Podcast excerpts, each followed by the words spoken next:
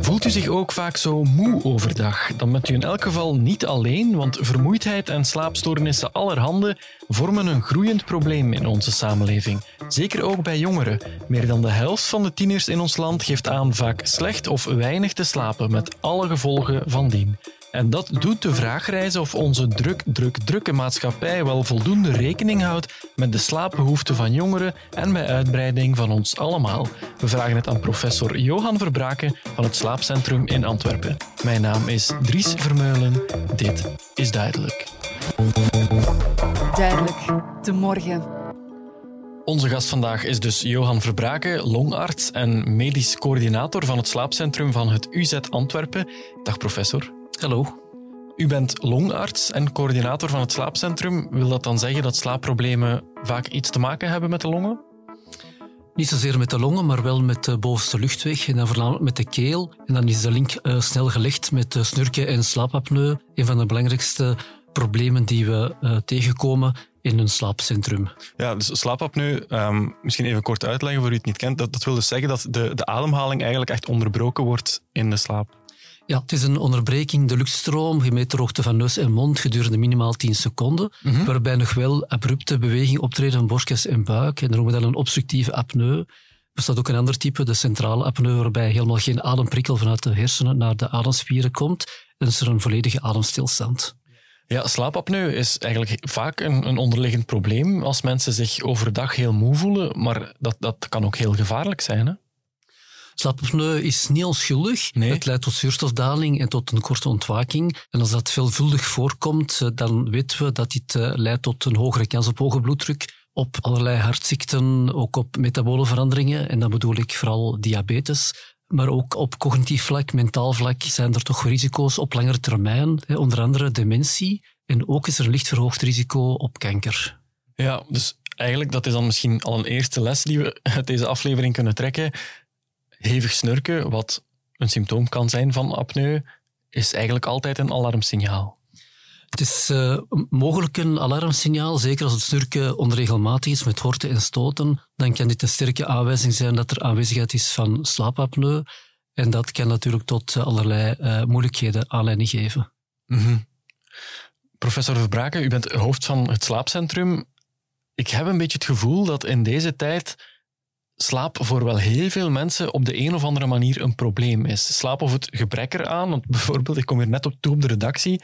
Mooi voorbeeld. Ik vraag aan een collega, hoe gaat het? En het antwoord is, goed, alleen een beetje moe. En dat is iets dat ik hier heel erg vaak hoor. Zelf zeg ik het ook wel eens. Het lijkt wel alsof iedereen tegenwoordig een beetje moe is. Ja, volgens uh, grote enquêtes blijkt de helft van de bevolking moe te zijn. Een heel groot deel ook van die groep is slaperig. Dat zijn twee verschillende dimensies, hè, maar toch heeft het vaak met ja, een gestoorde slaap te maken. En dat kan natuurlijk te maken hebben met gewoon slaaptekort gewoon te weinig zichzelf gunnen aan nachtrust omwille van activiteiten of dat het te leuk is op internet en allerlei activiteiten op de social media. Een deel natuurlijk heeft ook echte slaaploosheid met inslaapproblemen, doorslaapproblemen, vroegtijdig wakker worden of een combinatie van die verschillende vormen. Dus je hebt daar heel veel varianten eigenlijk ook. Ook mensen die gewoon niet goed uitgerust wakker worden, maar dan verderop van de dag wel normaal kunnen functioneren. Dus je hebt heel veel gradaties natuurlijk en, en, en, en, mogelijke verstoringen die allemaal wel een impact kunnen hebben op eh, hoe iemand zich voelt uh, overdag. En dat heeft ook veel te maken met kwaliteit van leven eigenlijk.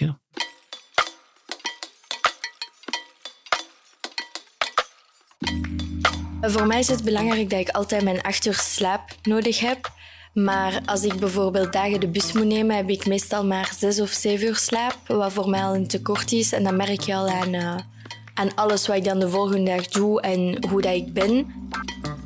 Zeker bij jongeren is vermoeidheid een onderschat probleem. Tussen hun 13 en 18 jaar hebben tieners elke nacht 8 à 10 uur slaap nodig. Maar een recent onderzoek wees uit dat meer dan de helft van hen niet eens dat minimum van 8 uur haalt. Massaal slaaptekort dus. En dat komt echt niet alleen omdat jongeren te veel feesten of te graag series kijken.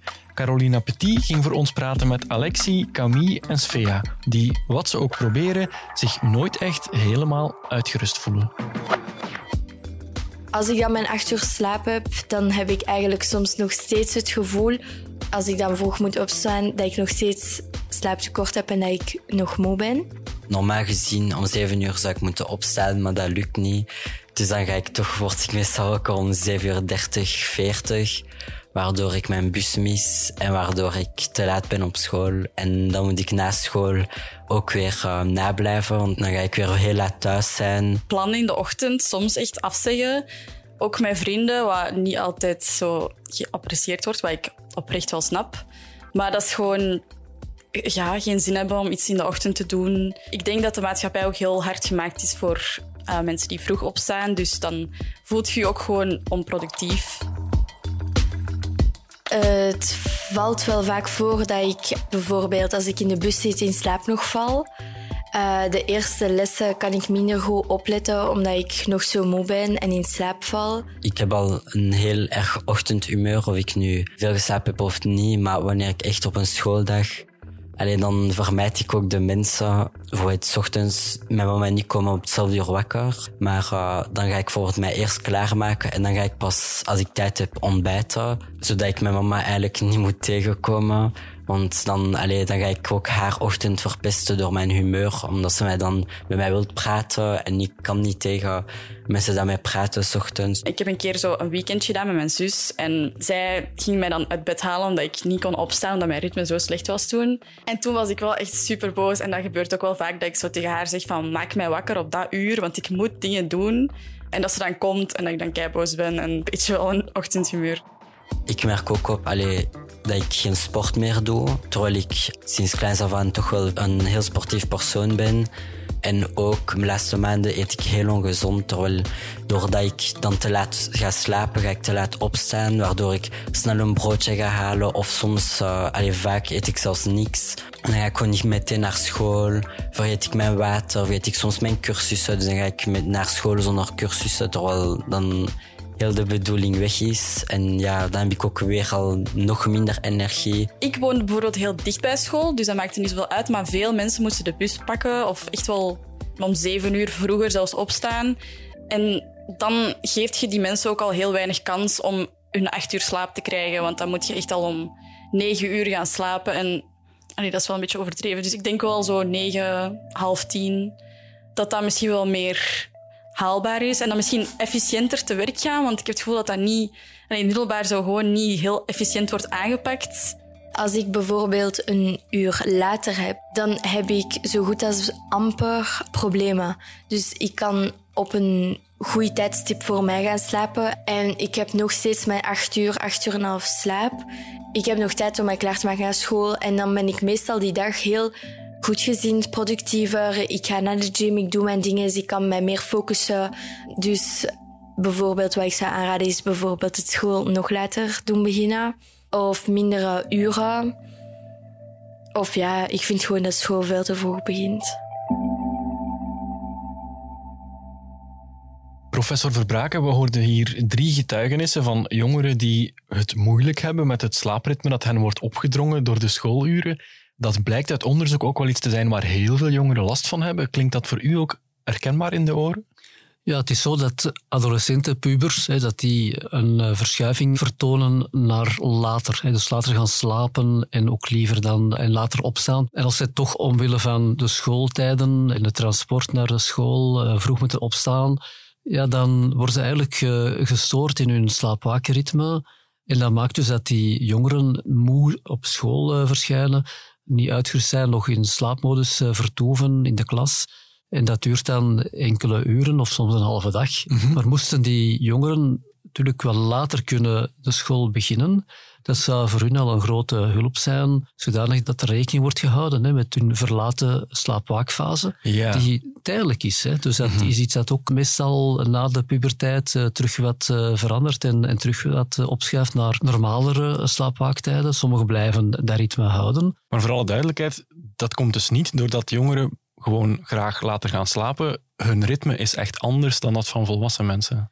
Ze zijn niet lui, um, maar er is een, een, biologische verandering in het slaapwaakritme, dus in de biologische klok als het ware. Dat maakt dat die jongeren echt wel reële veranderingen hebben, los van het eigen gedrag of gedragingen die plaatsvinden s'avonds laat. En kunnen we dat concreet verklaren? Is dat omdat jongeren gewoon nog meer moeten slapen? Of omdat zij op andere uren slaap nodig hebben dan, dan volwassenen? Of? Jongeren hebben sowieso nog uh, veel slaap nodig. Hè. Dat wordt vaak wel uh, wat miskend. Een jongere van 16 jaar heeft toch nog vaak 10 uur slaap nodig. Mm -hmm. Dat is veel, hè? In onze ogen als volwassenen is dat, is ja. dat veel. Op volwassen leeftijd neemt die slaapbehoefte snel af. Hè. Vanaf 25 jaar komen de meeste mensen wel met 8 uur slaap toe. En op heel hoge leeftijd uh, zelfs met 6 uur slaap. Dat, dat is iets dat we dan zien bij mensen van 75, 80 jaar, dat zij veel minder slaap nodig hebben, en net veel tijd hebben om te slapen en dan net uh, de neiging hebben om te lang in bed door te brengen, en dan denken dat ze een slaapprobleem hebben. Ja. Maar goed, dat is natuurlijk uh, andere, andere uh, deel van de bevolking natuurlijk. Mm -hmm. die, die jongeren die we gehoord hebben, hè, die, die echt wel moeite hebben met dat vroeg opstaan, wat zou u hen aanraden? Want ze kunnen natuurlijk niet altijd te laat op school komen. Hè. Ze moeten wel zo vroeg opstaan.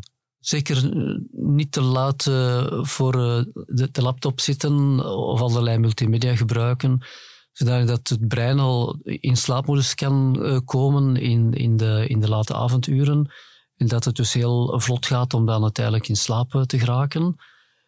Maar ja, als de nacht toch te kort is geweest, dan kan het wel nuttig zijn om eventueel gebruik te maken van een lichtbril. Dus dat uh, zijn speciaal ontwikkelde brillen die licht projecteren op de onderhelft van het netvlies, waardoor dat het ontwaken dan finaal wel wat vroeger gaat en men ook vlotter wakker wordt uh, en ook dat de biologische klok beter weet het is dag. Als het nog niet lukt, dan kunnen we eventueel die aanpak combineren met melatonine. Ja. Dus dat is het hormoon van de duisternis. En dat kunnen we s'avonds geven, waardoor het inslapen toch wat vlotter gaat. En dan uh, moet dat wel twee à drie uur voor het gewenste tijdstip van slapen gaan worden ingenomen. Ja, melatonine, het hormoon van de duisternis, zoals u het zo mooi noemt, um, dat zorgt er dus voor dat we ons slaperig gaan voelen. Nu, ik heb daar ook wel over gelezen dat zomaar gaan slikken zonder enige vorm van medische begeleiding, dat is ook niet helemaal zonder risico. Hè?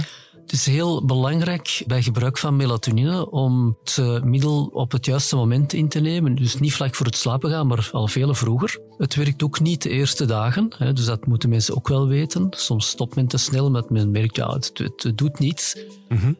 En men mag ook niet te veel nemen, want als men een te hoge dosis inneemt, dan gaat het te lang nawerken en dan kan het net een averechts effect hebben op de werking van de biologische klok. En, uh, en dus dat vraagt wel wat begeleiding om, toch uh, die dingen op het juiste moment uh, in te nemen en in de juiste dosering.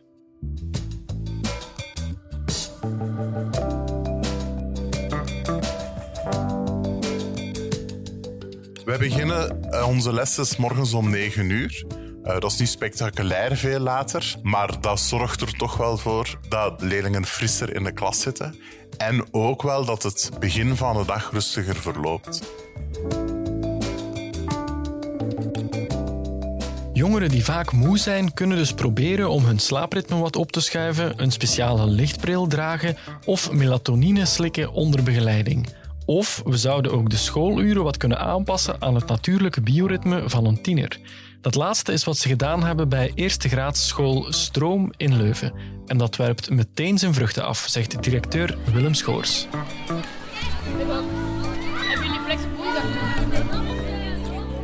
Wat onze school anders maakt dan andere scholen, is denk ik dat wij een...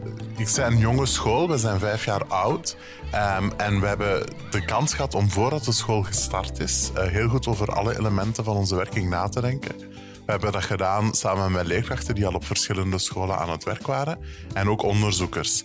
Blijkt uit onderzoek dat hersenen van pubers dat die gewoon anders werken uh, dan hersenen van volwassenen en dat die eigenlijk pas later op de dag op een ideaal ritme, zal ik zeggen, in actie treden.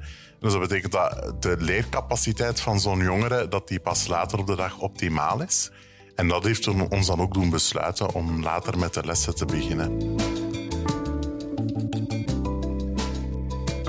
Moest je dan nu aan een 15, 16-jarige vragen, denk ik dat hij er zelf niet zo op een bewuste manier mee bezig is wat dat, met zijn concentratievermogen doet. En zal hij misschien eerder gewoon het ik heb beter geslapen benoemen. Maar uiteraard zorgt dat beter slapen er wel voor dat je je beter kan concentreren in de lessen. Tijdens de twee jaar dat ze hier zitten, staan ze daar niet altijd zo bij stil, denk ik. Maar als ze dan op een andere school zitten en plots om 20 na 8 of zo uh, aan de lessen moeten beginnen, dan horen wij wel van, oh, we missen toch echt uh, het latere uur op stroom. En dus ze zijn daar zeker wel positief over in het algemeen.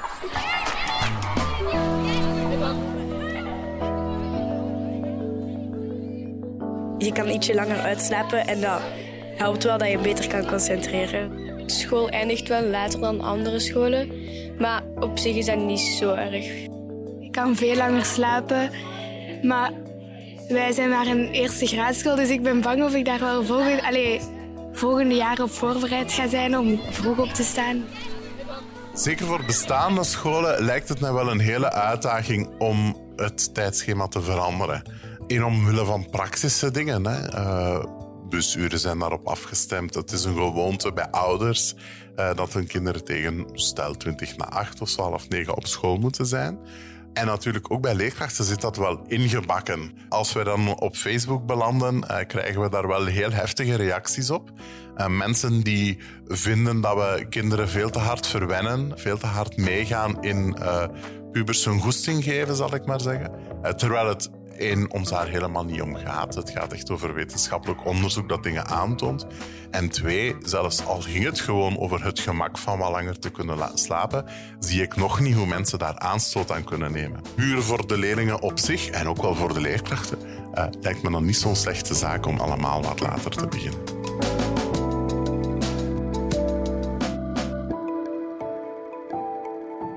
Professor Verbraken, deze school start eigenlijk niet zo heel veel later dan andere scholen, hè, om negen uur s morgens al.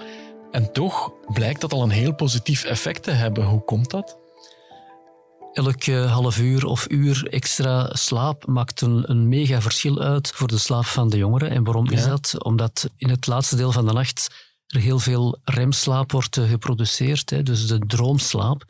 En die slaapfase, dat slaapstadium, is eh, essentieel voor onze emotieregulatie, ook voor verwerking van informatie die we overdag hebben opgenomen. En die vindt vooral uh, plaats in de tweede helft van de nacht. Dus als je daar een, een, een half uur of een, uur of meer mist, hè, dan kan dat uh, makkelijk uh, eh, 25% aan droomslaap vergen die je dan, dan mist. En, en dat is natuurlijk onwenselijk. En dat kan je dus heel makkelijk corrigeren hè, door, door ja, wat langer uh, in bed te blijven. Ja, dus eigenlijk zou, zou, het, zou, zou het goed zijn als alle scholen dat deden, een klein beetje later beginnen. Het is natuurlijk een mentaliteitsshift die men dan moet maken, niet alleen bij de jongeren, maar ook natuurlijk bij de leerkrachten, die dan toch uh, wat later hun dag uh, moeten beginnen en ook wat later dan klaar zijn s'avonds. Dat kan mogelijk dan wel interfereren met sociale activiteiten in de avonturen. Maar goed, dat is een kwestie van dat de maatschappij zich uh, daarnaar richt. En dan uh, denk ik dat dat uh, in het belang is en het voordeel is van, van iedereen. Ja, we hebben het nu over jongeren gehad, maar er zijn ook wel best wat volwassenen die, die moeite hebben, denk ik, met echt vroeg op te staan. Ik heb nu het geluk, ik werk op een krantenredactie, we beginnen wat later, ik moet hier maar om tien uur zijn. Maar dan nog, ja, ik voel wel zelf ook vroeg opstaan, dat is eigenlijk niks voor mij. En s'avonds ben ik vaak nog best actief en, en, is het voor mij nog te vroeg om te gaan slapen. Bestaat er zoiets als een ochtend- en een avondmens of maken we onszelf dat wijs? We worden op de wereld gezet als ochtendmens of avondmens. En het gaat toch om, laten we zeggen, 10, 15 procent van de mensen, van de bevolking, die een echt ochtendtype is, of een extreem ochtendtype zelf, of extreem avondtype. Dat wordt vooral duidelijk natuurlijk.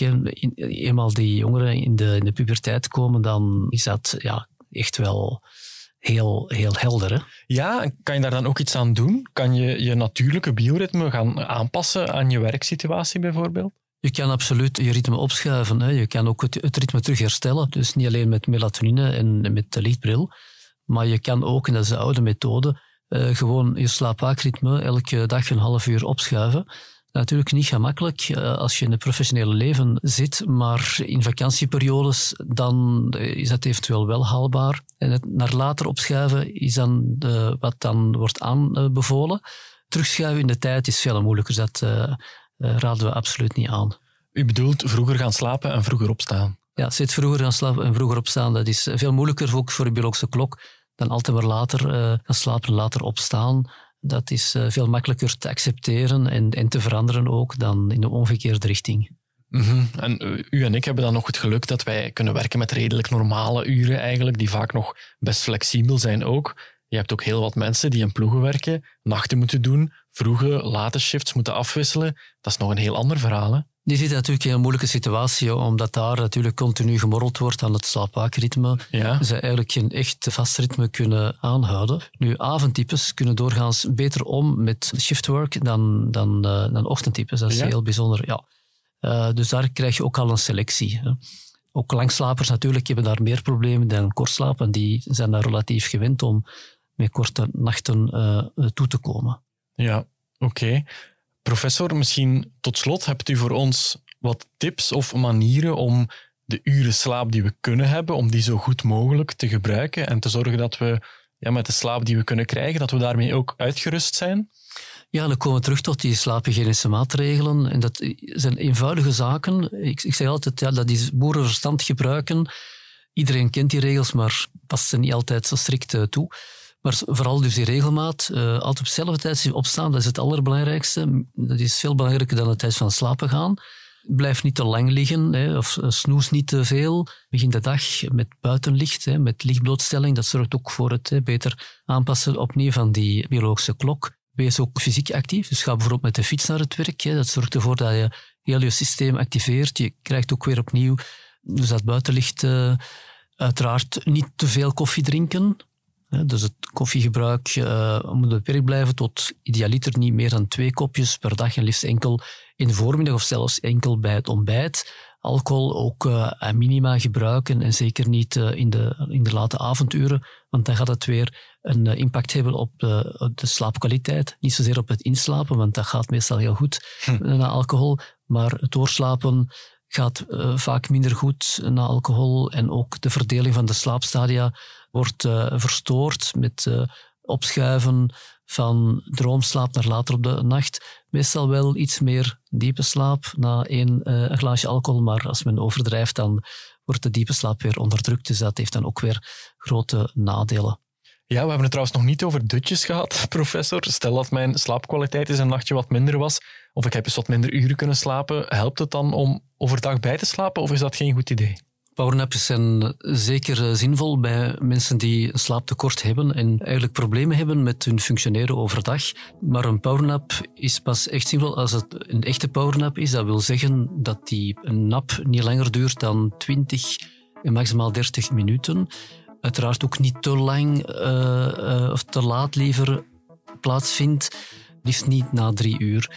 Uh, als je te lang een dutje doet, hè, dan, dan ga je in de diepe slaap wordt het ook moeilijker om terug om te schakelen naar terug wakker zijn nadien. En we gaan dan ook nadien te weinig tijd hebben om slaapbehoeften op te bouwen. Waardoor we weer s'avonds later in slaap geraken. En we gaan ook dan uh, reeds te veel diepe slaap hebben gehad overdag. waardoor we s'nachts minder diepe slaap gaan hebben. Dus we moeten dat strategisch gebruiken, zodanig dat, dat we daar wel profijt van hebben zonder dat het eh, interfereert dan met de kwaliteit van de nachtelijke slaap. Oké, niet te lang en niet te laat dus. En ik zal vanaf morgen vroeg ook proberen om meteen uit mijn bed te komen als ik wakker ben, want daar ben ik ook heel erg slecht in. Professor Johan Verbraken, heel erg bedankt voor al uw advies. Graag gedaan. Ik bedank ook directeur Willem Schoors van Stroom in Leuven. Ik bedank Alexie, Svea en Camille voor hun getuigenissen. En u, beste luisteraar, bedank ik uiteraard ook weer om erbij te zijn. Volgende week donderdag is er weer een nieuwe aflevering, dus heel graag tot dan. In de tussentijd kunt u ons altijd bereiken via podcasts.demorgen.be. Dit was duidelijk.